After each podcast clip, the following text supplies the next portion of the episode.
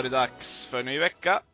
Nytt avsnitt av Red Army Sverige-podden och eh, direkt från Östergötland har ni med mig Jonas från de sörmländska skogarna, Adam Stenberg. Mannen som har flytt från norr till rapsfälten i syd, Mikael Krekula. Och mannen som har en dialekt lika söt som danskan, Oliver. Ja. Nu sa jag inte ditt efternamn, men det fick du klara dig undan. Ja, det är lugnt. Det är lugnt. Yo guys! Yo, yo, yo. Nej, eh, men Oliver är med oss idag igen. Han gästade oss förra veckan, så ni som lyssnade då känner igen honom. Eh, Adam och Mikael hoppas jag ni har hört deras fina och eh, alldeles, eh, ja, underbara röster här på podden någon gång. Och mig är ni nog trötta på vid det här laget. Eh, hur har ni det grabbar? Hur är det ute i stugorna? Ja, det är bra. Och gullig röst och säger att jag har fin röst. Det tycker jag inte själv när man hör den. Det är något speciellt med att höra sin egen röst. ja, han låter som ett missfoster ungefär. Skulle jag säga. Ja, men man tänker sig, är det där verkligen jag? Jag var ju tvungen att det var någon gång jag var tvungen att kolla eller lyssna igenom podden för att hitta något segment. Jag brukar inte lyssna på, på podden annars eller så. För att, ja, av den anledningen. Jag gillar inte att höra min egen röst. Och man blir väldigt självmedveten om vad man säger och, och vad man tycker, vad man säger för idiotiska saker. Men, men då var jag tvungen att leta igenom, eller lyssna igenom för att leta upp någonting. Och då satt jag liksom så här, det bara kröp i kroppen på mig. Så bara, spola vidare, spola vidare. Ah, okej, okay, där hittade jag det. Stängde jag ner snabbt. Det var liksom på den nivån. Men, det har ju hänt att man har sagt någonting och lyssnat på det och sen bara Fan sa jag sådär för? Varför sa jag ja, till? Liksom, ta sig ett ansikte. Vad i helvete var det där för någonting? Ja, det är underbart. Jag tycker fortfarande inte min östgötska är så grov när jag hör den, när jag lyssnar igenom allting. Men eh, det tycker tydligen andra folk. Till exempel mm. Bojan ja, Det finns verkligen kontraster. Ja, det gör Man det skulle egentligen vilja att eh, Mikael hade lite mer bred norrländska. Men mm. det får väl bli utveckling kanske. Ja, vi har ju... Jag får fixa det. Vissa säger att jag har det, vissa säger att jag inte har det. Så det är alltid hur man upplever det. Ja, allt är ju relativt. Du har ju mm. inte Lennart Jäkel liksom. Nej, fan, det... det, det, det, är lite annorlunda dialekt om man säger, snackar Pajala jämfört med Pite. Han, han ja. kommer ifrån där. Jag tror att han kommer därifrån. Eller Skellefteå kanske. Och Oliver är med igen, det gillar vi. Ja, men tack för det. Det är jättekul att vara tillbaka. Ja. Det var riktigt kul att vara med. Ska ha ännu roligare idag hoppas jag. Ännu fler poäng på quizet och eh, ännu bättre diskussioner. Det är tanken. Vi kan inte lova mer poäng på quizet, men kul ska vi fall Vi kan inte heller lova att Oliver har särskilt lik dialekt ja, eh, med Lennart Jäkel. Nej, det kan, vi inte heller lova.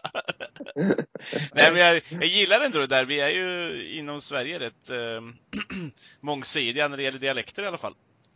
Vi, vi har ju mm. de som kallar sig har rikssvenska i, i sörmlänningarna. Äh, och sen har vi ju Sen har vi norrlänningar, och, eller norrländskan, vi har skånskan och sen den här gnälliga mm. saken i mitten. Någonstans. äh, Mm, vi får med det mesta. Mm, precis. Jag tycker, jag tycker det är kul. Jag har inte tänkt på det innan, men nu när vi säger det, och speciellt nu när Oliver har kommit in också, när vi fått de riktigt syrliga breddgraderna. Ja, precis. Ehm, ja, jag antog att eh, svaret var att ni har haft det bra ändå under veckan som har varit. Ehm, och eh, att det är väl dags att eh, vi, vi rullar igång. Mm. Och vi rullar väl igång som vi gjorde förra veckan, tycker jag. Galej och DePay. Det är alltid kul. Skål på den! Ja. Galej och DePay. Eh, vi, ja, förra veckan började vi ju med det tråkiga. Vi började väl med DePayet, va, tror jag. Så varför inte starta med galejet idag då istället? Ja, den tar jag på mig. Och jag tänkte beröra en liten punkt att eh, vad blir mer galej liksom än en födelsedag? Eh, under förra veckan så hade vi en eh, svensk som fyllde år som finns i vår klubb. Vid namn Anton Elanga. Han mm. blev eh, myndig att eh, dricka öl och göra det mesta man kan göra när man blir 18 och så vidare. Men framförallt eh, gå mot sin resa att bli en stjärna. Eh, förhoppningsvis för oss att kunna leverera. Och jag tycker det är kul att vi alltjämt har svenskar i klubben. Jag säger svenskar, vi har ju två. Tre har vi till och med. Men eh, fan, fortsätt så. Och förutsatt att de levererar. Men det är kul när vi har svenskar som levererar i, i klubben. Och vi har ju då Johan Guadagno och Anton Elanga ungdomarna och sen Lindelöf såklart. Vi har väl även en tjej va, i eh, damlaget? Ja, Lotta Ökvist, precis. Mm. Det stämmer. Mm. Och, ja, men sånt är kul och det är värt att lyfta upp att eh, det ska vi vara stolta över och Anton Elanga ser jag Ge gärna över lite till Mikael och berätta lite mer om kanske, men att jävligt kul med en talangfull ung svensk 18-åring. Mm. Mm. Med, Ska jag berätta om honom eller? Ja, men, det är fint. 18 år. Det är kul.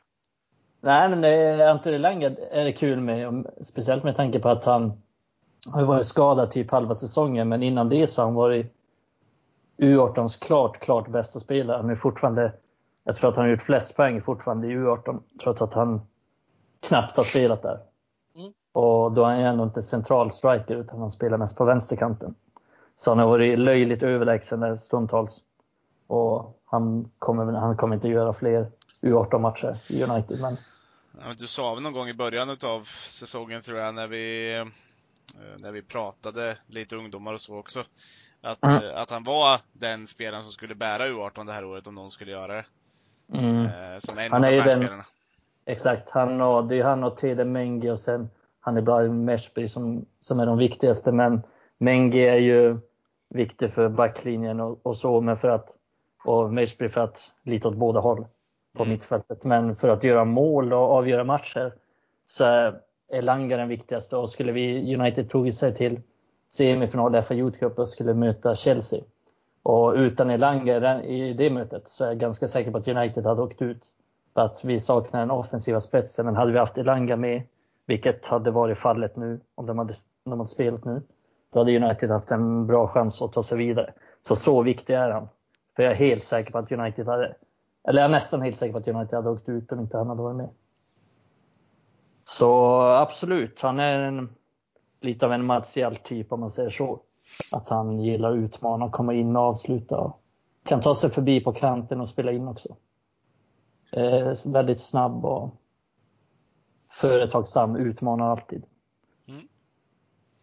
Och det är Galeida. Det gillar Ja, vi. det är Det gillar vi. Och där lyfter Jag du Adams Langa. Det ska bli Galej. spännande att se honom nästa säsong. Mm. Är kul, kul med svenskar i eh, Manchester United. Eh, men, från galejet till, ja vad då? Jo, Memphis Depayet. Och, Precis, precis. mm, Ehm, där, ehm, ja, förra veckan pratade vi om bin Salman och denna nyheten är kanske inte lika förödande eh, i den formen. Men det är ju så här att eh, Uniteds transfermål då, Jadon Sancho, har bl- blivit lite uppraggad av eh, Liverpools högerback Trent Alexander-Arnold. Och det är ju inte bra alls. För att Den jäveln vill man inte gå hem med. 06. det vill man inte göra.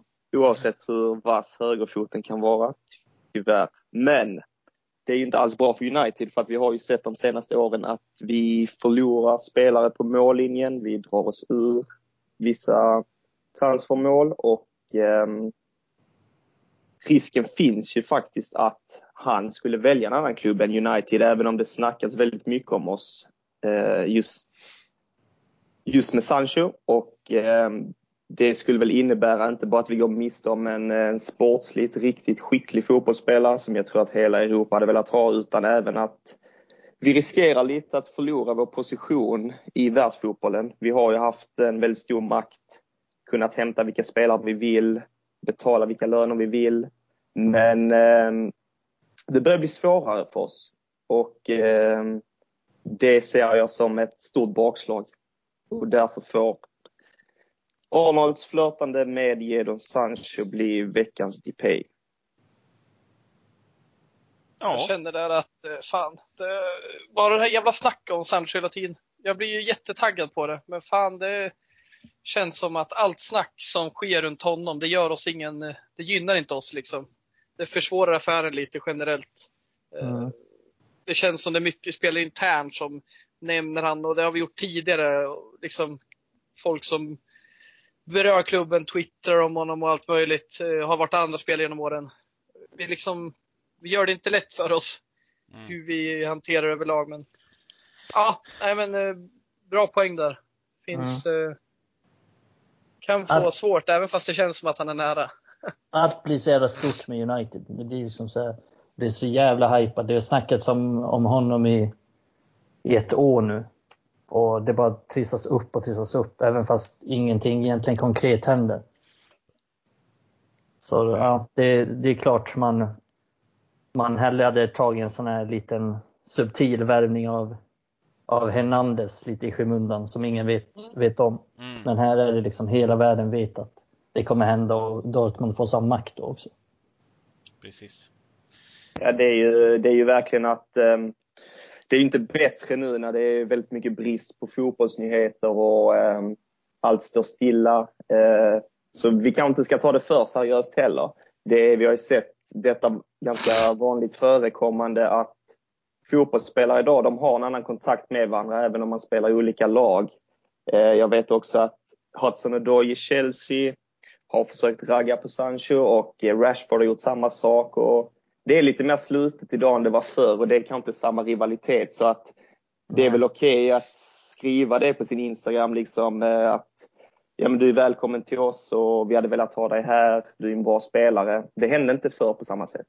Så att eh, vi kanske ska ta det med en nypa salt ändå men eh, med tanke på vår bakgrund och hur vi förlorat spelare så blir man ju lite rädd. Det blir man. Mm. Mm. Men visst känns det som, bara lite kort, vi ska inte fastna i det här, men visst känns det som att till exempel Rio Ferdinand och John Terry hade ganska mycket sämre relation än vad säg Rashford och Alexander Arnold har. Och det känner man ju själv också. Man sitter inte och hatar Alexander Arnold precis som man kanske hatade Steven Gerrard eller Jamie Carragher. Eller John Terry för den delen. Utan det är ganska mycket, känns som att alla är kompisar med varandra. Mm. Men överlag så eh, är jag med där också. Det, men känns lite lite som, precis som Oliver var inne på där också, ihop med det där att det, det, det greppas efter halmstrå när det gäller nyheter också. Det, vi är fortfarande bara i maj, det känns inte som att det kommer hända jättemycket just nu överlag, för ingen vet hur, om den här, ingen vet om någonting är klart med någonting, om säsongen ska spelas över, när nästa säsong ska starta, hur det blir med övergångsfönster, så att det är ju, det är ju rena spekulationsnyheter känns det som också. Mm. Ja. Var vi klara med Galeo Pay då, känner vi? Ja. Yes, då tycker jag att det är dags för eh, Ja, en ny eh, omgång, en ny eh, holmgång kan man väl säga. Utav eh, vi ska se, utav quizet. Vi hade Mikael i en ledning på vi ser så jag hade rätt här. Med tre poäng över Adam. Och eh, Oliver som anslöt lite sent då, eh, ligger ytterligare ett par poäng efter där, men du, du fick ju med dig lite poäng som eh, den gode Patrik skrapade ihop omgången innan där. Jag var fan tvungen att komma tillbaka och styra upp detta. Så det är, det är den här Scholes-frågan, det har jag legat och drömt om nu i en vecka och du får fan ställa samma fråga idag. Alltså. Jag vet om jag kan leva vidare annars. Alltså, men, 107 eh, va? 107 ja. Det glömmer du aldrig, Oliver. Nej. Nej. Men du bjöd på bra show i podden, det gjorde du ändå. Ja, jag försöker. Ja, det är det viktiga. Ja, precis. Bra underhållningsnivå på den. Nej, men Mikael, du har ju trampat ifrån lite, eller trampat eh, i, i kapp och förbi till och med. Det gäller i alla fall Adam. Eh, ja, det var bara en tidsfråga, som man brukar säga. Precis. Nej, Nej men det är, så, så har det gått. Det har passat mig bra tydligen. Mm, med, med frågorna på slutet. Och eh, nu så eh, klampar vi in i en ny omgång. Eh, finns det ytterligare massa poäng att hämta. Vi kommer ha två så här ledtrådsspelare igen.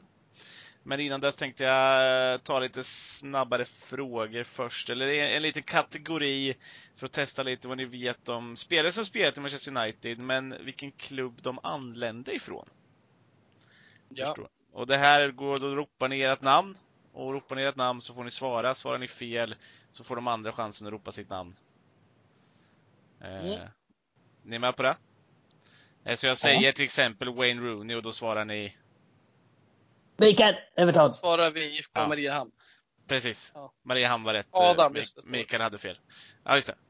Adam Så nu ska vi, vi ska skrika ut nu bara. Ja, precis. Vårt namn. Ja. Ett namn. Du skriker ditt namn och då får du svara. Men det, man, man kan inte skrika sitt namn och sen får man... Jag har en liten tidsintervall där, men eh, går det för lång tid så säger jag att eh, frågan går över. Om man inte Man hinner googla snabbt, eller hur? Ja, Adam stänger ner sin jävla Google-apparat där som du har köpt. Du kan Nej, men jag börjar på Alta Vista, så det är lugnt. Ja, okej. Han sitter och ropar där. Hej Google! Vart spelade han innan i Manchester United? Så svarar de där bak. Nej. Eh, är ni med i alla fall så kör vi. Vi har fem spelare, så det går ganska fort antar jag. Eh, så att ni, tar ni alla spelare eller någon tar alla spelare så har ni plockat in fem poäng. Eh, är ni med? Ja. Kör. Yes. Yes. Då har vi Gabriel Obertan. Adam. Mm. Bordeaux. Det är sant. Ja, tror det. Yes. Eller sant, det är rätt. eh, bra. Ett poäng till Adam. Då kör vi nästa namn. Quinton Fortune.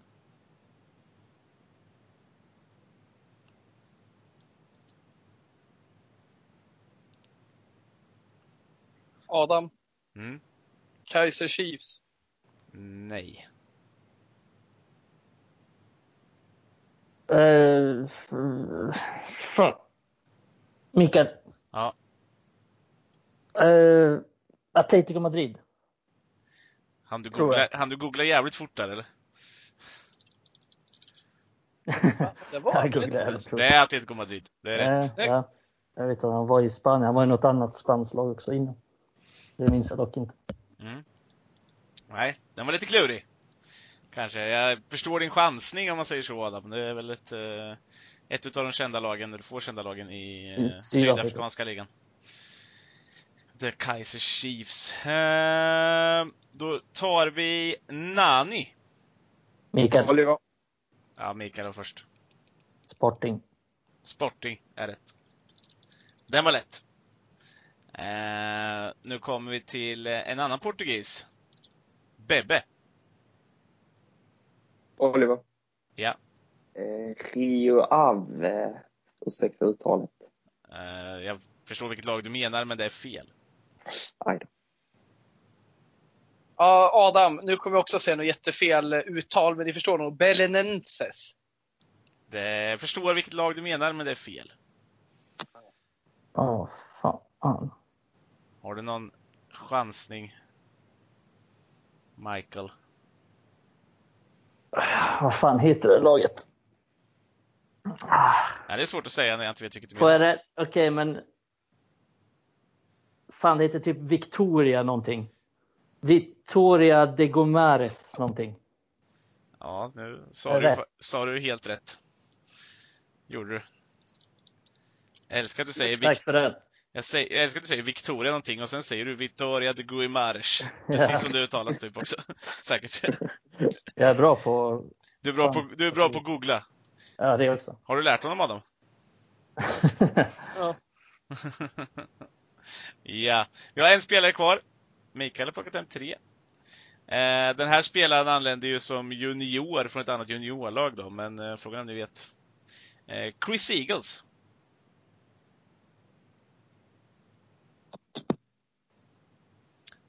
Adam dog av att han älskar Chris Eagles.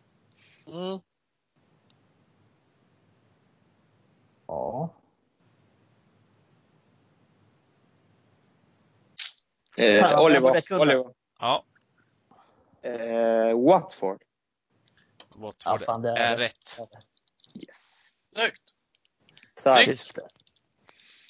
Snyggt. Google-maskinen funkar bra hemma. Så. Ah, fan, den borde jag kunnat. Nej. Ja, Mikael låg Men man, kan man glömma Chris Eagles efter hans mål mot Everton där? Alltså det är... Det är Han snubblar in den nästan. Ja, det är Han- fan han håller på att ramla när han alltså. ska- Det är fruktansvärt snyggt mål. Men Skruvad var den. Mm. Bra knorr. vakna upp. Helvete, jag kunde det här. Mm. Ja. Men det gör att Mikael har plockat hem tre poäng och Adam och Oliver ett var. När vi flyttar över till de här eh, ledtrådsspelarna då. Eh, och vi gör likadant som förra veckan. Ni tar upp en eh, direkt konversation på mig, på, med mig på Messenger. Ni skriker namn och då skriver ni till mig och så säger jag om ni har svarat rätt eller inte. Eh, ni har två chansningar totalt per eh, spelare. Och spelaren Ja. har spelat i Manchester United. Bara för att förtydliga för er som lyssnar. Eh, spelat eller spelar kanske man ska säga. Eh, där, så. Så vi tar för fem poäng på spelare nummer ett. Ja. Jag har förutom, eh, förutom att jag har spelat i Manchester United så har jag även spelat i klubbar som Werder Bremen och Portland Timbers.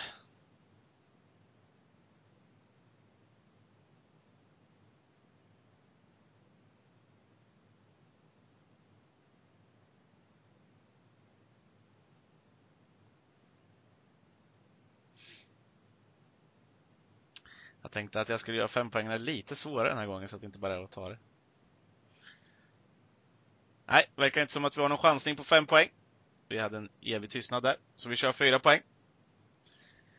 Eh, jag är född 1977 och för United gjorde jag 249 framträdanden.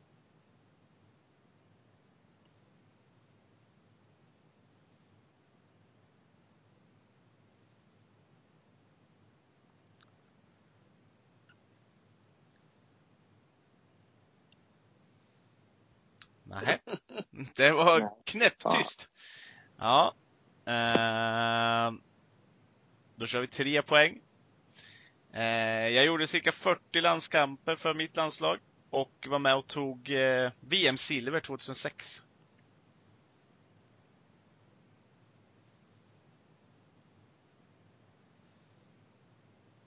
Nu försöker herrarna här räkna ut vilka som tog VM-silver 2006 tror jag.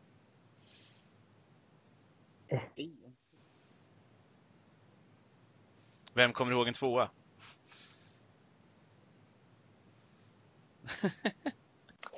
Ja. ehm, Ni som sitter där ute. Mikael, Mikael. Ja, du får gärna skriva, Timme. Ni som sitter där ute får gärna skriva om ni tog det på någon av de tidigare ledtrådarna. Ni som lyssnar alltså. Får vi se om jag får något svar från Mikael. Mikael. Mikael har svarat och eh, det är rätt.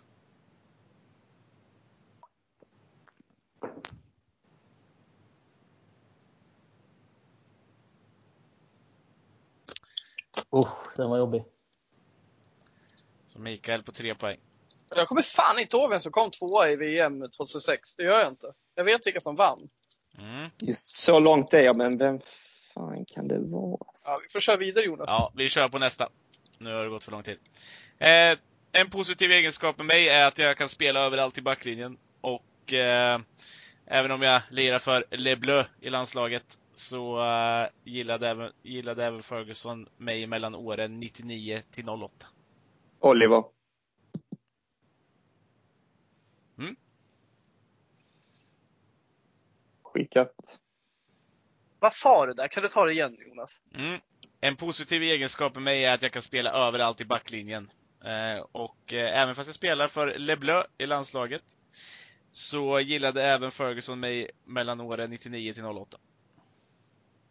Överallt i backlinjen. Ja, jag får får gissa. Oliver hade rätt förresten. Förlåt. Jag skulle säga det också.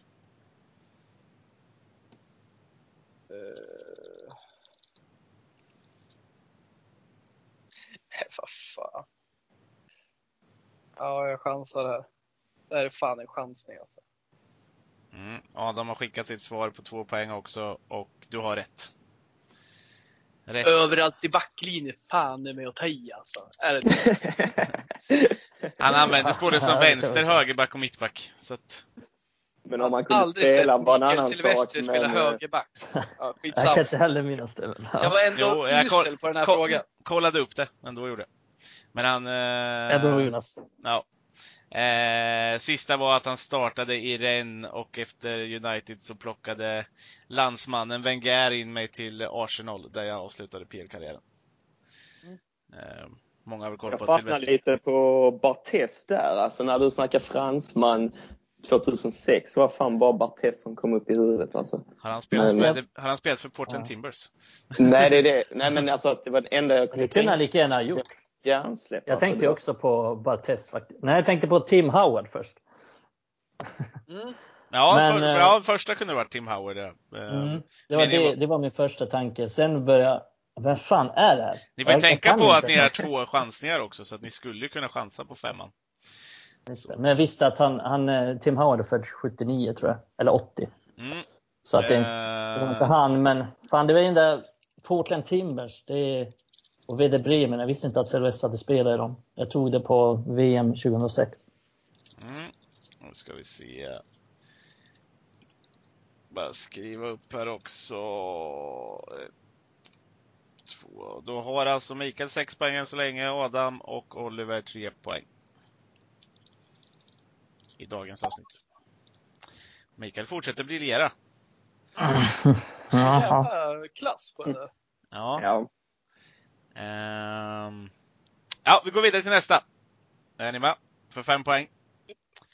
Ehm, jag heter delvis Emerson och innan jag anslöt till Manchester United spelade jag i West Ham.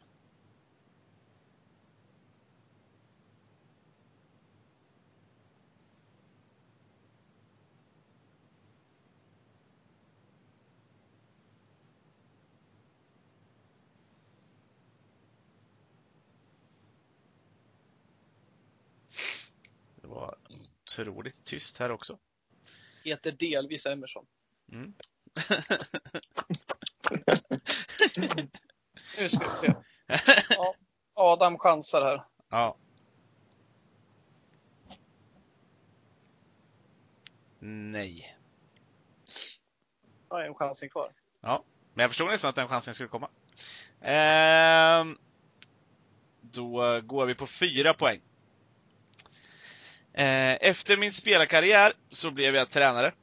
Eh, och eh, då har jag tränat till exempel klubbar som Macclesfield, där jag också avslutade min spelarkarriär, och MK Dons.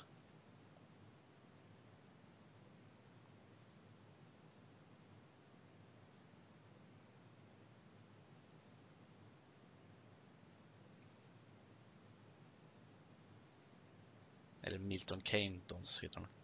Men MK.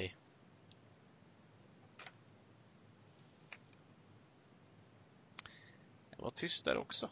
Ja, nej. Jag bara går vidare. Mm. Eh, för tre poäng. Eh, jag anslöt till United 1989 och lämnade 1995. Jag hann med 206 matcher för klubben. Mikael. Oliver också där.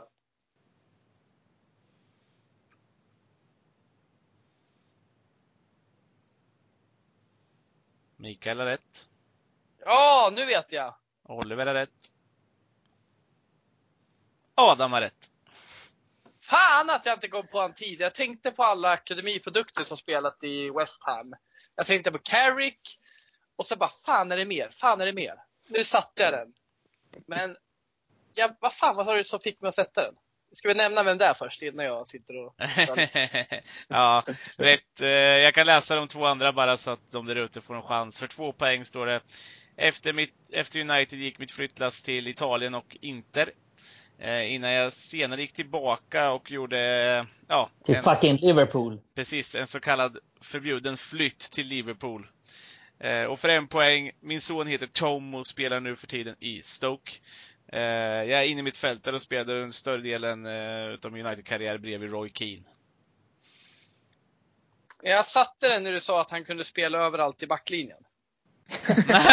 Men, eh, Jag satte den på 95, den här berömda utrensningen. ja, Ja. Ja, och Paul fucking Ince. precis. Heter han Emerson?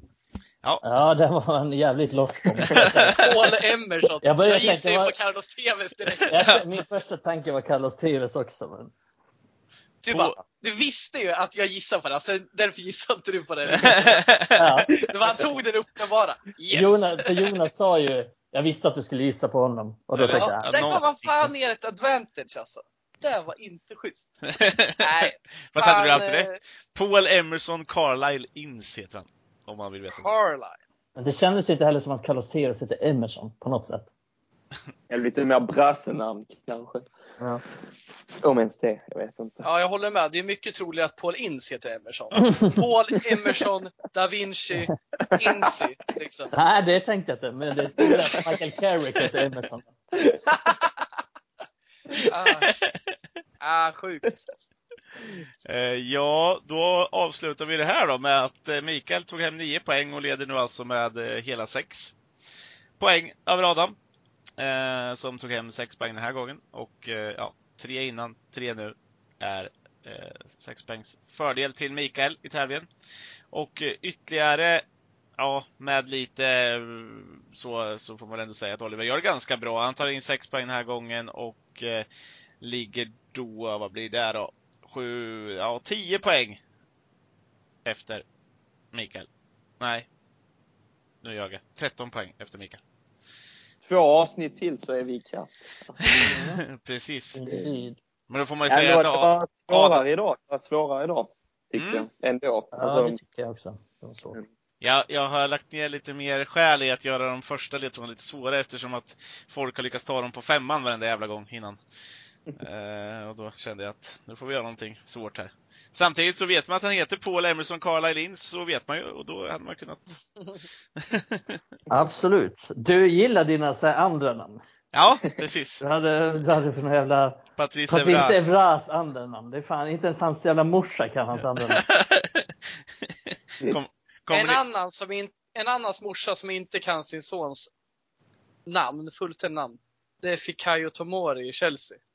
Och det sjukaste namn jag sett i hela mitt liv. Alltså hans fullständiga namn, Fikayo Tomori, det är ju bara det är ett förkortat namn. Mm. Jag kan säga det till alla som lyssnar nu. Googla Fikayo Tomori, mittback i Chelsea. Så får ni se det längsta namnet ni någonsin har läst i ert liv. Du ska inte göra ett försök till att läsa upp vad han heter? Nej, det tänker jag inte göra. Ja du, nej jag, jag har sett det. Jag vet bara att det är väldigt, väldigt massa bokstäver. Jag väljer mina strider så att säga. Ja. Den kommer jag inte klara. Men Tomori heter han ju i alla fall. Det är Fikayo som är ett eh, form av smeknamn. Ja, det är sant. Eh, ja, nej men vi, vi går väl vidare. Vi tackar för dagens quiz. Eh, jag tackar för att ni har deltagit idag. Ja, snyggt jobbat Mikael. Fan, det Eh, var mycket bra. jävlar. Får steppa upp nu känner jag. Ja, du var så jävla kaxig i början. Ja, Ja, men efter de här inledande omgångarna, då var man ju fan uppe på hästen alltså. Nu måste jag ju upp på den igen. precis. Får kliva bort från åsnan och sätta dig på hästen igen. Ja. Det Eh, är, det är många små kopplingar som ska sitta om man ska ta de här jävla ledtrådarna. Tycker ni är ganska duktiga ändå. Det visar ni gång på gång. Eh, nej, men vi rör oss vidare i detta poddavsnitt.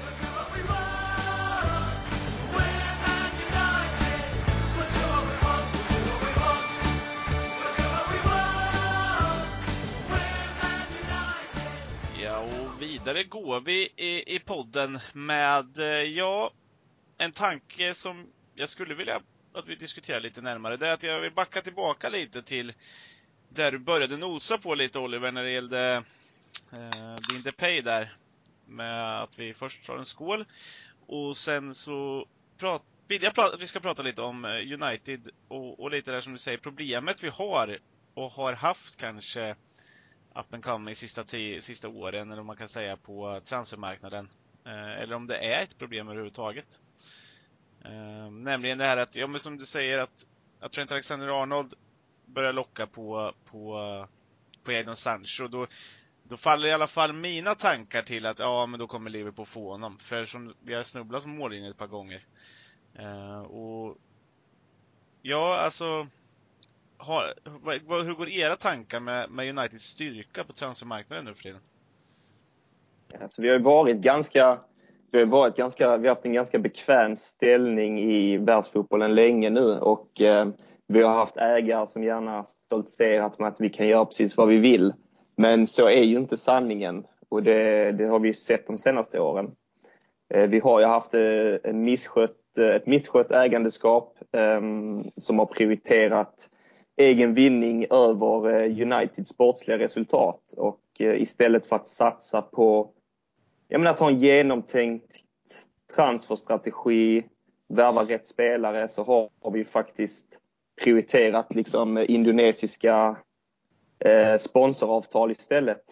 Och eh, det är, det är en ganska farlig strategi tycker jag för, för klubben. Och det har vi pratat om tidigare att vi prioriterar fel helt enkelt. Vi har ägare som inte eh, vill uppnå de största sportsliga resultaten så länge pengarna kommer in. Och det, det, risken med det är ju faktiskt att vi kan inte leva på vi kan inte leva med den positionen vi har haft tidigare utan vi går en framtid till mötes där lag som City och Liverpool kommer ha ett annat supporterskap och där de kommer vara mer populära.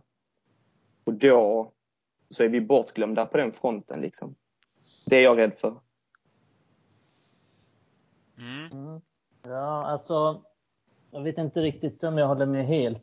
Att jag, tycker, alltså jag, tycker, jag håller med helt om att ägarna har prioriterat annat. Och, men det har de kanske alltid gjort.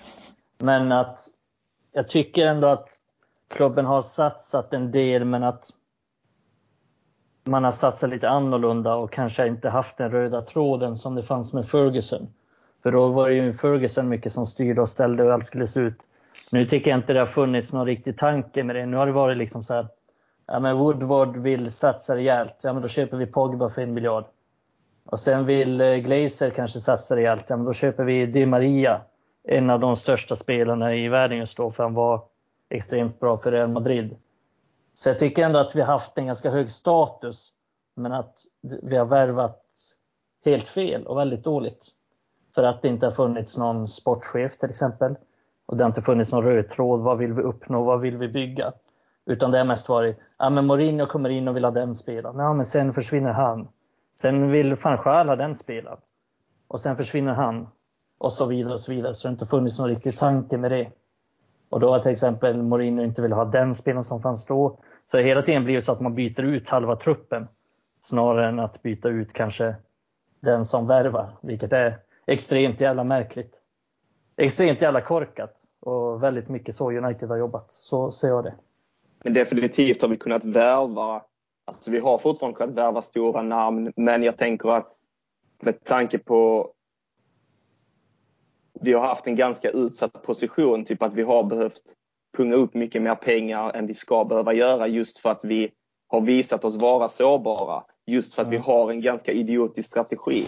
Så att jag tror fortfarande att vi kan locka dessa spelarna för att vi har fortfarande ett namn i England. Så vi kan plocka Harry Maguire. Vi kan kanske värva James Madison och Grealish för att Manchester United är stort där. Men jag tror det kommer bli svårt att attrahera andra europeiska spelare.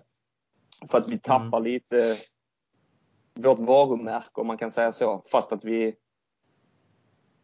liksom, vi har bra businessmän i ledningen och så här men vi tappar lite hela den här statusen vi alltid har haft. Men det är ju inte lite det här att vi inte riktigt kan peka längre, för att även om du säger att Mourinho har värvat sig och så, så det har varit ganska klart, och Mourinho har varit ganska klar i att han fick ju inte ettan, tvåan eller trean han ville ha. Han fick fyran eller femman han ville ha utav de här spelarna oftast. Eh, utav de han hade önskat så att säga. Och, och, mm. och Men United också... har aldrig, aldrig kunnat United har aldrig under Ferguson värvat den största spelaren från Barcelona eller den största spelaren från Real Madrid. Vi har aldrig värvat från... Vi har, ja, men vi har aldrig värvat från den första hyllan. Ja, men om vi säger att det är annorlunda nu. Och det är det ju inte. Det är exakt samma. United har aldrig värvat från den översta hyllan, så jag ser inte riktigt skillnaden. Jag ser snarare tvärtom. United har nästan aldrig gjort en Pogba-värvning eller aldrig en Di Maria-värvning. Så jag tycker nästan att det är lite tvärtom på det sättet. Men däremot så håller jag med om att United är extremt desperata och pumpar upp hur mycket som helst, vilket vi kan se för till exempel Maguire och kanske Sancho nu. Alltså väldigt tydligt desperata. Och det utnyttjar andra klubbar. Bekymret för mig, det är ju inte att vi inte kan värva de största namnen. Det är ju att vi kanske gör det. Att vi värvar spelare som... Nu tyckte jag inte det var dumt att värva Pogba, det är inte det jag säger. Men att vi, vi väljer att värva en stor jävla värvning ett år. Och sen en stor jävla värvning till ett annat år. Det finns liksom inte den här linjen med hur vi bygger vårt lag. Det är snarare så här marknadsmässigt starka namn som kan sälja tröjor och som kan gynna oss på ett annat perspektiv. Även fast vi inte lyckas på banan så får vi ändå in eh, revenue liksom. de här Mm. köpen. Och jag känner att det är problem att vi inte har strategin. Jag känner att vi fan, vi har värvat rätt stora spelare både från Europa och inhemska spelare. Men att eh, mitt bekymmer är liksom, ja, man värvar Di Maria för man vet att även fast han inte levererar så kommer vi sälja tröjor och vi kommer visa på något sätt att vi är stora. Men problemet för mig är att vi inte gör de här tre värvningar vi gjorde i år till exempel. Tre karaktärer med en långsiktig tanke. Mm, för jag tänkte när Pogba kom in, då var det inte tränaren som ville ha Pogba, utan det var ju liksom så här. Woodward ville sätta sitt statement. Och så, det hände ju aldrig om, om Ferguson var här. Det var ju aldrig så att David Gill bara, nej nu ska vi fan ha en stor spelare. Ferguson bara, nej fan, honom ska vi inte ha. David Gill bara, fuck off. Nu värvar vi den här stora spelaren. Så var det aldrig då, men så är det ju verkligen nu, upplever jag. Att Woodward och klubben ser att Pogba blir tillgänglig, men då slår vi till. Skit i om han passar in eller inte. Honom ska vi ha. Och jag tycker inte nödvändigtvis att det var fel att värva Pogba. Jag tycker att har vi chansen att värva en sån, då kanske vi ska ta det. För att vi, sanningen är ju att vi blir sjua oftare än vi blir etta just nu i det här laget. Så, Mm. så Nej, det alltså, kanske jag inte är håller en med dum om idé att- på det sättet. Nej, jag håller med om att vi kan fort, vi kommer fortfarande kunna attrahera stora namn. Men om vi inte uppnår större sportsliga resultat så kommer färre spelare vilja spela för oss. För att det är inte... Vi har fortfarande ett jävligt saftigt lönetak. Vi kan locka med det. Eh, Vi har jävligt överbetalda spelare. Men jag tror också att det finns ju spelare som faktiskt bryr sig om sin karriär och sin utveckling. Och om vi inte har den linjen som vi pratar om så kommer kanske många spelare välja bort oss och istället spela för större klubbar. Och det är ju det jag är rädd för. Att vi kommer liksom Sancho kanske säga att ja, men jag kommer kunna utvecklas bättre i Liverpool än i United. Även vad United betalar för honom eller vilken lön han får.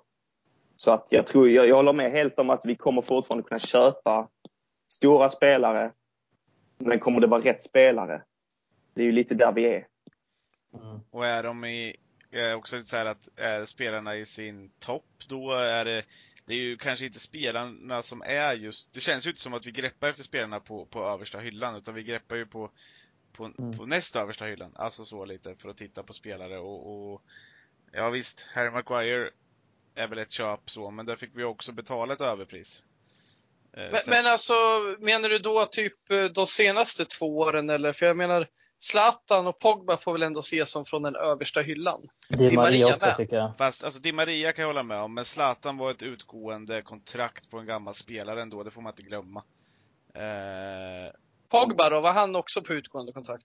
Pogba också, men där ser jag ju också lite mer som jag säger, att det är, det är ju mer ett reklamköp och den spelare som ändå vänder tillbaka till den här klubben, så absolut, det är plocka från översta hyllan, men jag menar nu framöver, det känns inte som att vi har den tyngdpunkten att kunna plocka från översta hyllan. Jag tror inte det, det känns inte som det. Det känns som att det mer och mer går åt, andra, åt, åt fel håll på den punkten.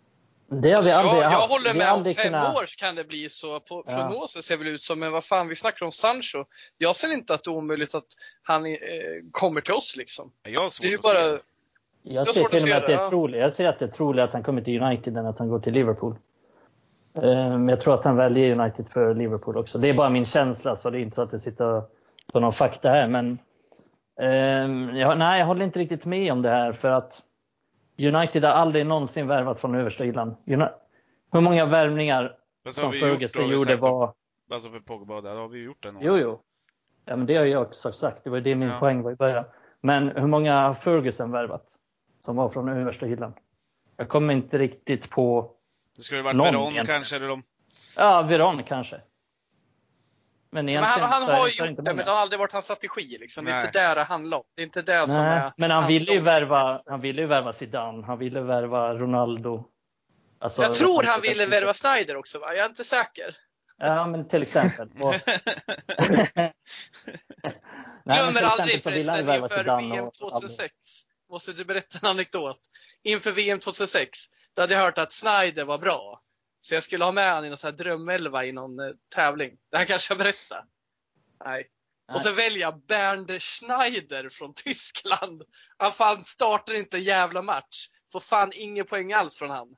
Så Bra mycket val. kunde jag. Ja, och Wesley Snyder var fan helt jävla grym i VM 2006. Mm.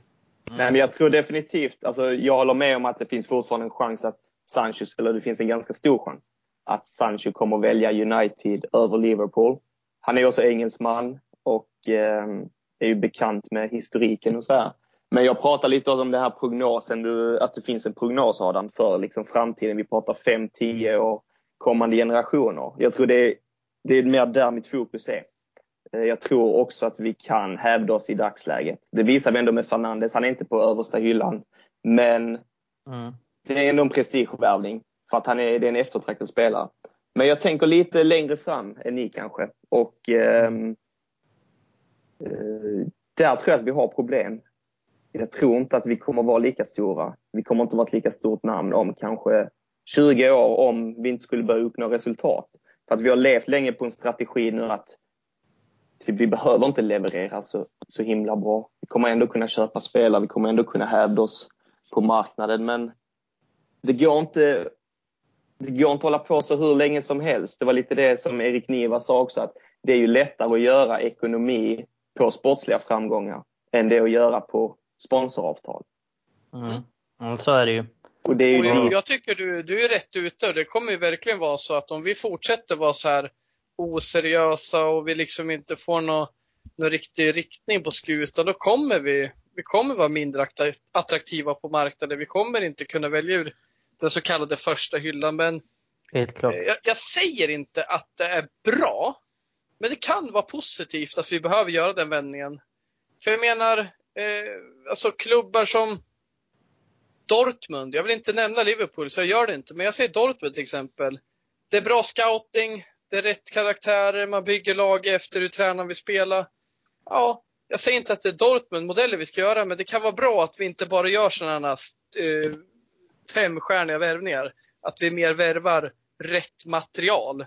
Och mm. vi ska ju kunna värva Veron 2002. Vi ska ju komma dit.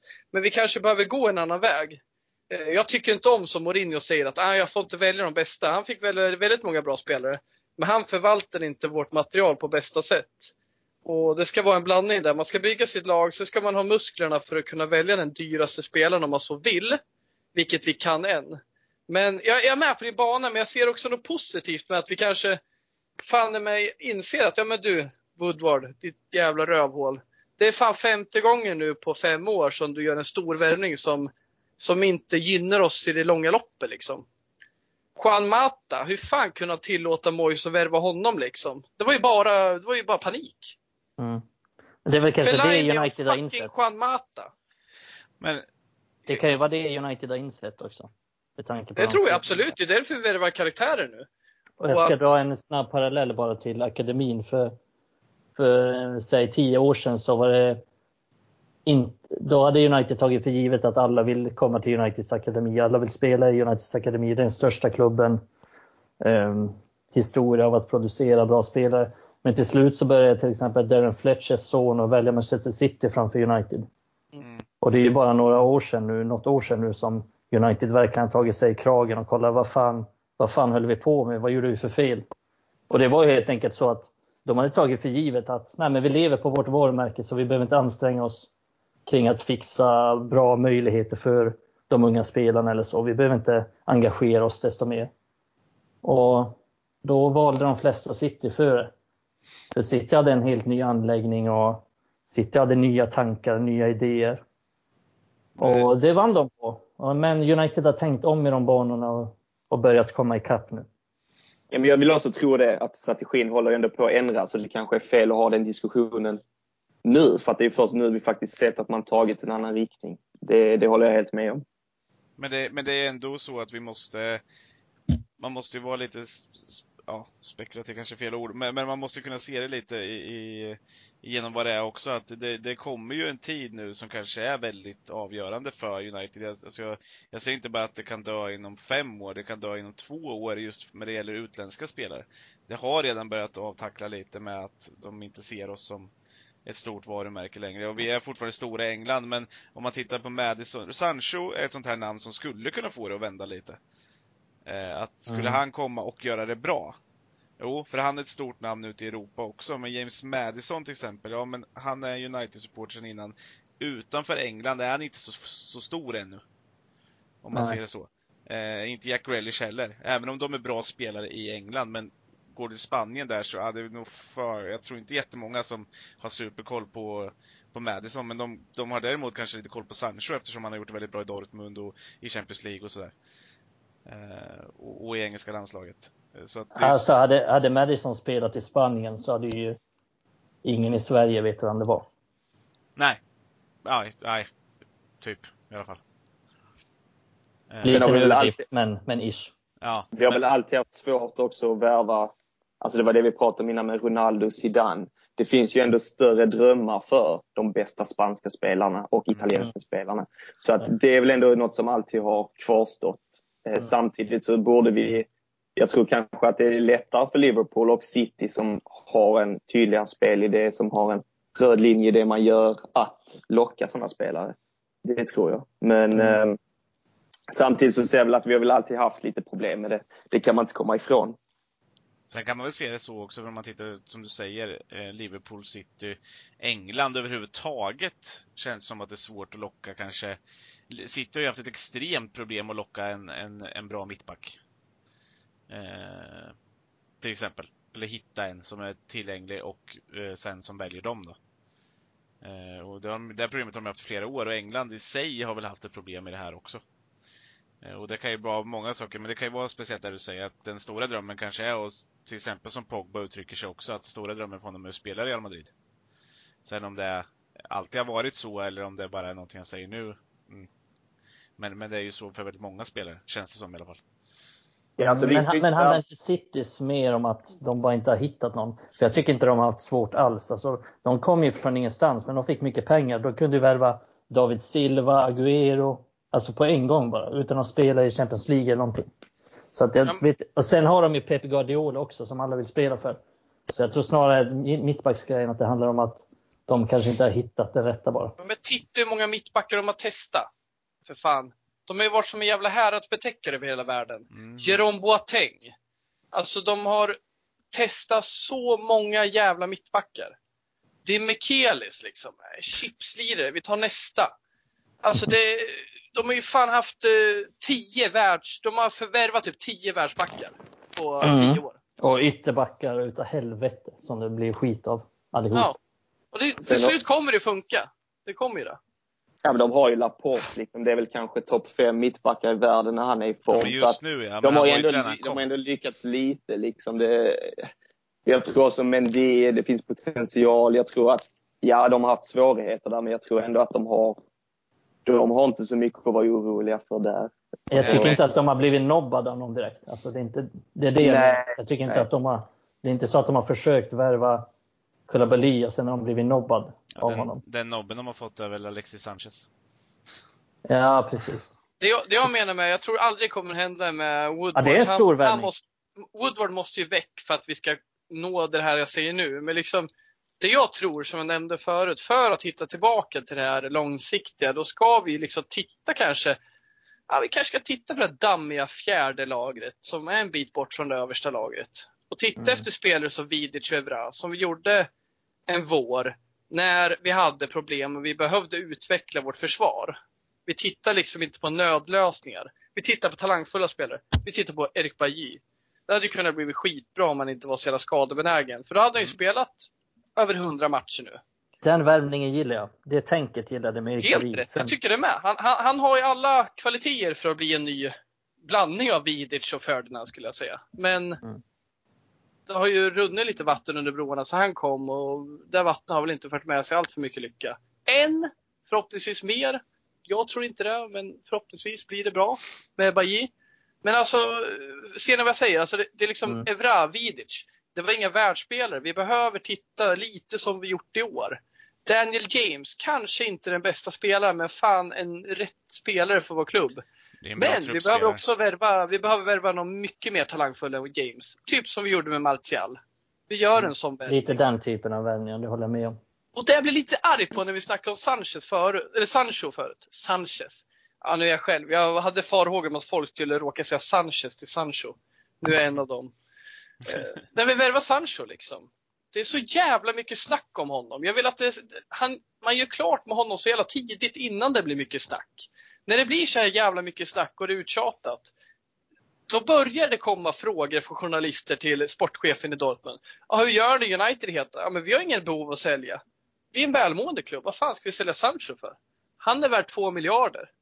Alltså de leker ju med Woodward. Han har ingen jävla clue. Och det är ju för att vi har ett bristfälligt scouting-system. Vi har ingen fotbollsmänniska vid ratten. Vi har någon jävla revisor som styr våra affärer. Och jag vill inte att han ska göra några stora värvningar. Han ska kunna det, men det ska inte vara den primära uppgiften för honom. Han ska fan hålla sig borta. Kan de inte hitta något litet skyffe han kan sitta i? Hålla i bara liksom... det är det man är orolig för. att Man litar inte på att klubben vet vad de gör. Det är det som är så jävla oroväckande. När alla värvningar kommer in. För nu är det ju så att man, man tar nästan för givet att det blir en flopp. Liksom så här, när vi värvar Harry Maguire, då är min första tanke, ah, helvete. Fan också. Vi kan inte värva honom för en miljard. Och det tror jag kanske ni också tänker. Mm. Man har ju den pessimistiska inställningen nu till nästan de flesta som kommer, även om det var många bra värvningar nu den senaste säsongen. Alltså vettiga värvningar och så, som har fallit ganska väl ut ändå, får man ju säga, med United mot mätt. Men, Men man vi... litar inte på att de har kollen, så att säga. Nej. Jag tror det finns en men... vinkel till bara att ta in också, det är ju att, att de här smygvärvningarna blir allt svårare och svårare att göra. Alltså, mm, eh, de med, mediala, alltså medierna växer ju bara. Det blir bara mer och mer och det, alltså, folk får säkert ut ännu mer och mer av att läcka saker. Alltså så, och vissa, vissa personer där ute, vi kan väl ta Romano som en, han verkar ha ingångar lite överallt och han får ju, alltså har ju kraftiga sådana också och det är därför han tjänar pengar. Och kan säkert betala en del för att få en del nyheter också. Eh, och, och det, det, fanns ju inte när United, på samma sätt när United värvade Chicharito till exempel.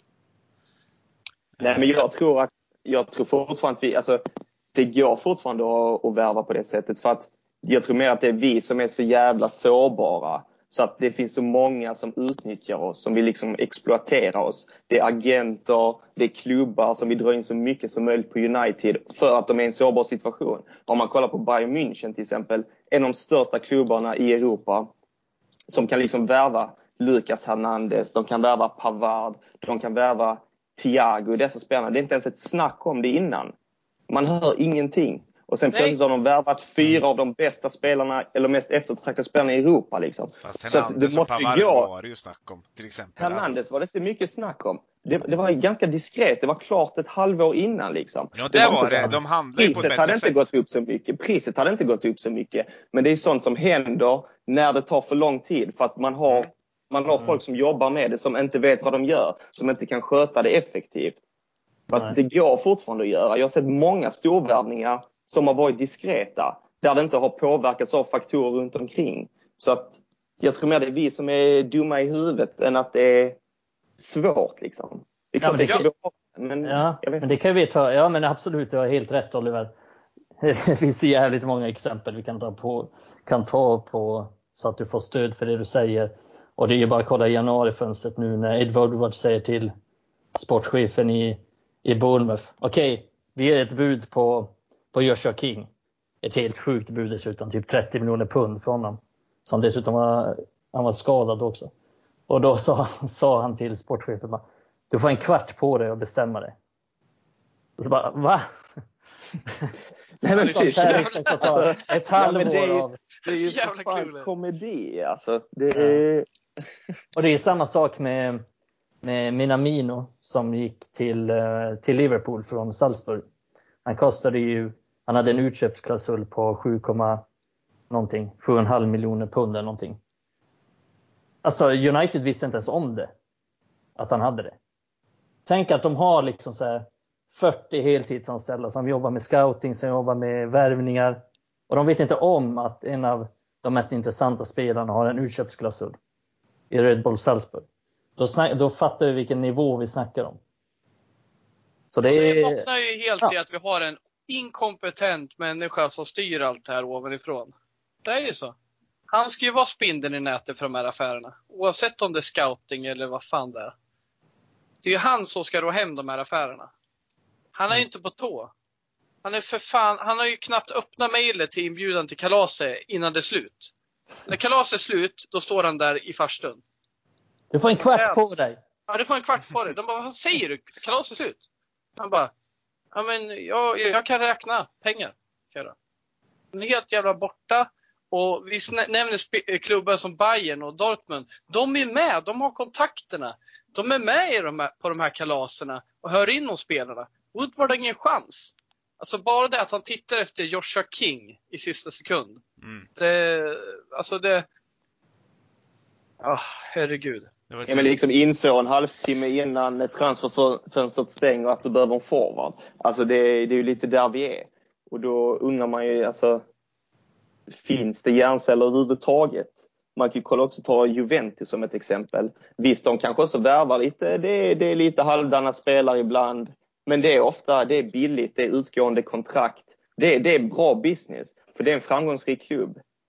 Och jämför man det då med United, alltså typ det är en jävla stor skillnad om Pavel Nedved kommer till Aaron Ramsey eller Matuidi, vem det nu än är, och säger ja men fan, ska du inte spela för oss?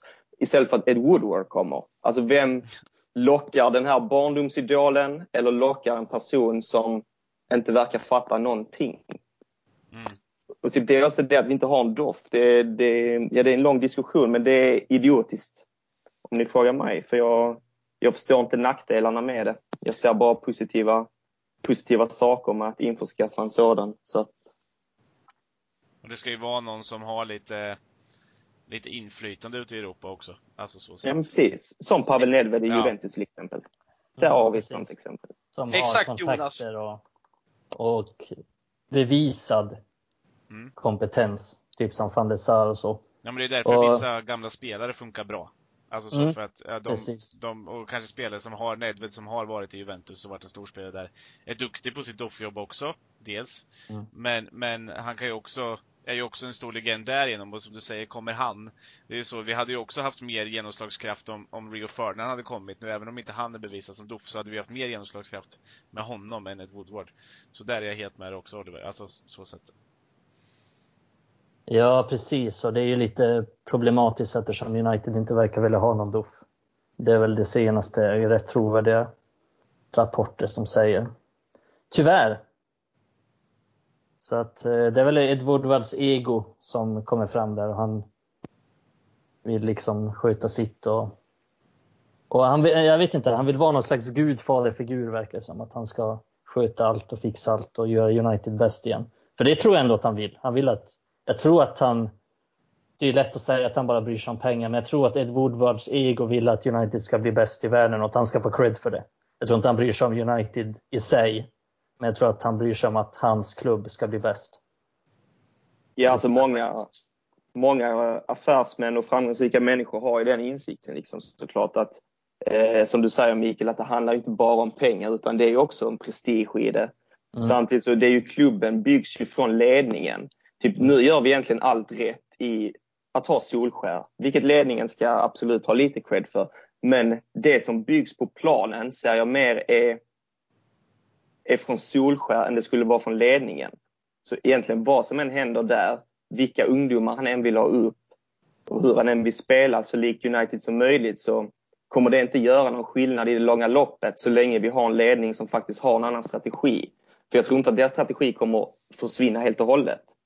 Nej. Jag tror liksom att det är ändå från ledningen som klubben byggs. Och fast att de, gjort, de har gjort vissa åtgärder nu, men jag ser inte det tillräckligt. Nej, precis. Och det, nu är ju lite bilden av att, att det finns liksom en fotbollssida som leds av Solskär och Mike Phelan framförallt. Och sen finns det en, liksom, en värvningsledning, ska man säga, som där Edward var bland annat ingår, men Marcel Baut som är Head of Global Scouting och sen Mick Court, eh, Jim Lower som är chefscout.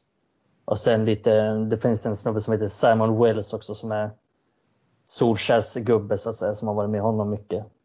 Som också är med och, och rattar det där. Så det finns väl någon slags scoutingledning och en fotbollsledning och sen eh, Aid Woodward mitt i den mixen och fingrar och det är ju där det klämmer lite. Det är ju där det ja. klämmer. Alltså, För det behövs någon fotbollssnubbe där som, är, som styr upp det där. Som kan sin fotboll och som vet hur den här klubben ska dra. Så jag tänker typ en Nicky Butt typ. Han har en liten annan roll nu, men jag ser ändå Nicky Butt som, som en bra sådan typ. Jag kan säga så här, jag, jag höll ju inte med förut om att eh, vi kommer ha svårt att ta från det översta laget. Jag tror, fort, jag tror vi kommer kunna göra det. Däremot är jag helt övertygad om att det är vi redan nu. Att vi, vi har kommit till eh, den punkten att spelare som Jude Bellingham, de, de väntar med att svara på Uniteds bud innan flera tittar mot dem. Det tror jag. Och jag tror vi behöver sätta in det här med ungdomsakademin och hur eh, vår klubb vill spela eh, i några år innan det vänder. Jag tror Jude Bellingham snackar om nära den typisk spelare som, eh, kan vi presentera en kort för de som inte vet vem han är, 16-åring från Birmingham. En av Englands största talanger just nu. Eh, ordinarie i Championship, mittfältare, jättestor potential. Men han kommer inte liksom eh, springa åt Uniteds håll när de ringer. Eh, det kommer förmodligen bli någon annan klubb och gissningsvis utanför England. Eh, och då har jag inte med Corona i tankarna. Det kan ju såklart påverka om man vill flytta utomlands eller inte. Vi vet ju inte hur det här påverkar marknaden just nu men jag tror eh, vi har värvat spelare som Zaha, Nick Powell. Eh, vi har gjort jättebra värvningar genom tiderna. I tidig, eller bra värvningar. Vi har, vi har värvat väldigt potentiella spelare. Som andra spelare vill ha. Jag tror inte det händer längre. Bellingham, nej. Jag tror fan med att det är roligare att gå till Dortmund. Det är nog fan roligare att gå till Arsenal med. Jag tror ja, det. Haaland där också. Sen, alltså, ja. Jag, jag, jag tänker mer på sådana som knappt har hunnit visa sig än. Jo, men vi värvade ju Hannibal Haaland, absolut. till exempel. Ja, men, han hade men, men, däremot, men däremot om men Det är väl det han sa, spelare... som inte har visat sig. Eller ja, så fattar jag det. Ja, men Haaland är väl också ett sånt exempel med just att eh, de här spelarna som vill ha en jävligt hög lön, ja men gå till United. De erbjuder mycket mer än City. Mm. I alla fall i det som är bokfört. Ja. ja, precis. men vi, det glömde jag säga förut också, men alltså, det är ju inte det att jag inte håller med om, när jag nämnde det här med, med medierna där, att, att United har en dålig strategi. Det tycker jag också, det är jag helt med på. Men, men skulle München, Bayern München också göra ett snedsteg nu i att kanske vara lite tröga med någon värvning. Nu gör ju inte de det för att de har en så bra, uppenbarligen så bra strategi. Men då skulle ju också medierna vara där mycket snabbare nu än vad de var för tio år sedan. Absolut. Det var så jag menade. Absolut. Alltså så. Så det är en annan värld på det sättet. Så United straffas ju ännu hårdare nu än vad man kanske gjorde för tio år sedan. Alltså så när, eller för, ja, om vi bara backar till när, eh, eh när Ferguson lämnade till exempel. Jo, men helt klart det är en mer, mer mediastark, mediastark värld och um, jo, men det är helt klart. Alltså, det är svårare, men jag tror fortfarande att vi gör det väldigt mycket svårare än det hade behövt vara. Mm. Om vi hade haft en skötsam ledning så hade vi gjort bättre affärer. Det är den slutsatsen jag kan dra liksom. Ja, och eh, vi får väl ändå lägga in där och, späda på lite till på där vi har sagt att eh, Alexis Sanchez var väl en typisk sån värvning som vi gjorde, som egentligen kanske inte behövdes till klubben, men det vart en prestigesak utav det att värva honom över City. Mm, verkligen. Ett bra exempel på en, på en sån. Ja. Eh, även fast man kanske egentligen inte ville ha honom och han, han värvades ju. Visst, det var ju en stor värvning, men ju, han hade ju inte gjort några bra insatser på väldigt länge. Om man säger så. Det har han ju fortfarande inte gjort på ett bra tag. Eh, så sett. Har vi någonting mer att tillägga i den här diskussionen gubbar? Ja, jag tycker väl att jag är med på den biten att vi, vi behöver ju såklart, det är ju en no-brain att vi behöver ju förändra någonting i vår, hur vi strategiskt tar oss an marknaden, hur vi jobbar och så vidare. Eh, intressanta synpunkter där på hur, vad vi har för förmåga, hur vi gör det och så vidare och vad som är rätt och fel. Jävligt bra diskussion. Eh, tycker att eh, och vi har sett goda tendenser eh, det här året med Solskär. Även fast jag inte tror på han i det långa loppet så tycker jag att hans värvningar har varit bra och det har fallit sig väl ut. Har det. Vi har snackat om det här med James, vilket jag står kvar vid. Han gjorde en jävligt bra början på säsongen. Eh, uh, tappa lite, men vad fan. Det var väl en bonus att han var så jävla bra, för han var ju inte tanken att vara någon ledstjärna, men han var ju bra som fan första omgångarna. Han är en god reserv.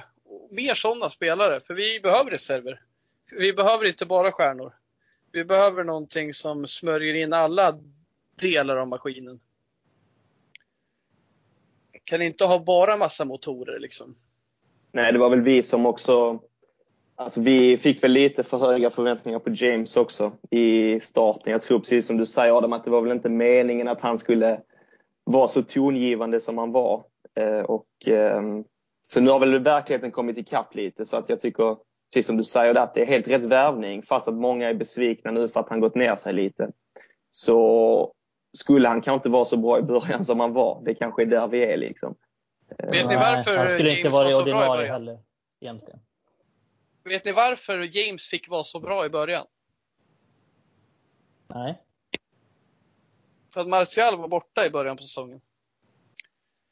Han var inte borta i premiären tror jag, men han var borta Nej, han spelade väl, fem, eh, sex tre- matcher. Tre första matcherna var han med i alla fall. Ja, sen var han borta i fem, Mm. sex matcher. Och varför var han så bra då? Han fick spela. Han, skulle, fick han, han, fick han, plats, han fick han, plats är, i startelvan. han har ju fan fått spela hela, hela säsongen. Men det var ju för att han var eh, bra i början. Så. Nej, men ja, han, precis. nej, men Sen när han, Martial kom, då eh, gick det inget bra för James. sen har vi ju Ja. inte haft så jäkla mycket bättre alternativ. Men Rashford var ju alltså cen- så. center i början också. När Mm. James var till höger. För att Martial inte. Och då tyckte man, och det blev ju bättre när Martial kom tillbaka, för då blev Rashford till vänster mer. Ut till höger så har vi haft James eller Greenwood. Alltså så. Mhm. Och, och ja, en sektion av ett x antal matcher med en misslyckad chansning på Andreas Pereira. Åh, där kom han! Andreas Pereira, vi höll på att avsluta podden. Visste att han skulle komma där. Jag var tvungen. Jag hade en bra dag. den förstörde jag med några timmar kvar utav den. Eh, ja, nej men, men absolut, jag är helt med Adam. Det är sådana värvningar som, som måste... Fler sådana typer av värvningar. Eh, Andreas Pereira alltså. Ja, precis. Sådana. Nej, men Danny James-värvningar såklart. Eh, det behöver inte vara så mycket dyrare jämt för att hitta en spelare som ändå kommer kunna ge mycket för United i, i, många, i många aspekter. Eh, Nej, men det är där vi får börja. Det är där vi får börja och sen det är inte de värvningarna vi kanske gör om fem år när vi ska vinna Champions League och Premier League, men det är där vi är nu och det är det vi får utgå från. Mm. Nej, man kommer alltid behöva en Danny James som kan gå in och spela mot Burnley och göra en, en okej match. Eller kontra borta, komma in och kontra på någon match liksom sådär när vi måste avlasta folk eller spela cupmatcher. Precis. Eh, Även om man kanske inte kommer bli den där superstjärnan. Men Wales är nog glad att han får spela fotboll. Eh, Så sett. Eh, någon mer som har något avslutande ord? För annars så är det dags att börja runda av den här podcasten. Ett avslutande ord. Ja, men det brukar vara bra på det Adam. Säg ett avslutande ord. Eller två. Eller tre. En mening kanske. Du vet att han inte kan avsluta med ett ord eller två. Jag kan inte det, jag är för pratglad för det. Men då säger jag Wickham Wanderers. Säger jag. Det var två ord. Spelar inte han världens största, starkaste fotbollsspelare där? Akinfenwa. Ja, precis. Ja, då avslutar vi med lite brittisk lower League-fotboll. Eh, eller lower League, men i alla fall. Fleetwood Town. Ja, Ja, det är också mysigt. Forest Green Rowers. Tom Prahl. Crawley. Crawley Town. Tom Prahl. Prawley. Prawley med pralstavning. Ja, Prawley Town. ja. Nej, hörni. Heter som- de som heter Liverpool i FA-cupen? Heaven and Waterloo will. Här väntar Waterloo vill jag. Avslutningen. Rushton and Diamonds. Det är mysiga namn. Ja. Men jag gillar ändå Prawley Town. Tom, Tom Prawley Town. Tänk Tom Prahl tar över. Han blir adlad. De byter namn på arenan till Prawley. Första värvningen, Niklas Skog. De byter namn, de byter namn på liksom så här klubb, eller de byter klubbemblem också. Gör en avbildning av Tom Prahls ansikte. Det är bara Nej. streck till ögon där. Nu, nu, nu sticker det här iväg. Men eh, vi vill tacka er som har lyssnat där ute. Eh, jag vill tacka er grabbar för att ni ville vara med. Och eh, hoppas att, eh, tackar Oliver igen för att du gästade för Tack andra själv. raka avsnittet. Får vi se när du dyker upp nästa gång som gubben i lådan. Eh, men Adam och Mikael lär vi väl säkert höra redan nästa vecka också, och eh, samma gäller mig. Men eh, kom ihåg allihopa, följ oss på Facebook, Instagram och Twitter. Framförallt Instagram och Twitter nu under de här coronatiderna då vi kör lite hårdare på den fronten. Eh, samtidigt så ska ni såklart följa oss på Spotify, Acast, eh, iTunes, Podcaster eller eh, Soundcloud heter det. Ifall ni nu vill lyssna på podden. Så klicka i följeknappen så hörs vi nästa vecka. Bye bye!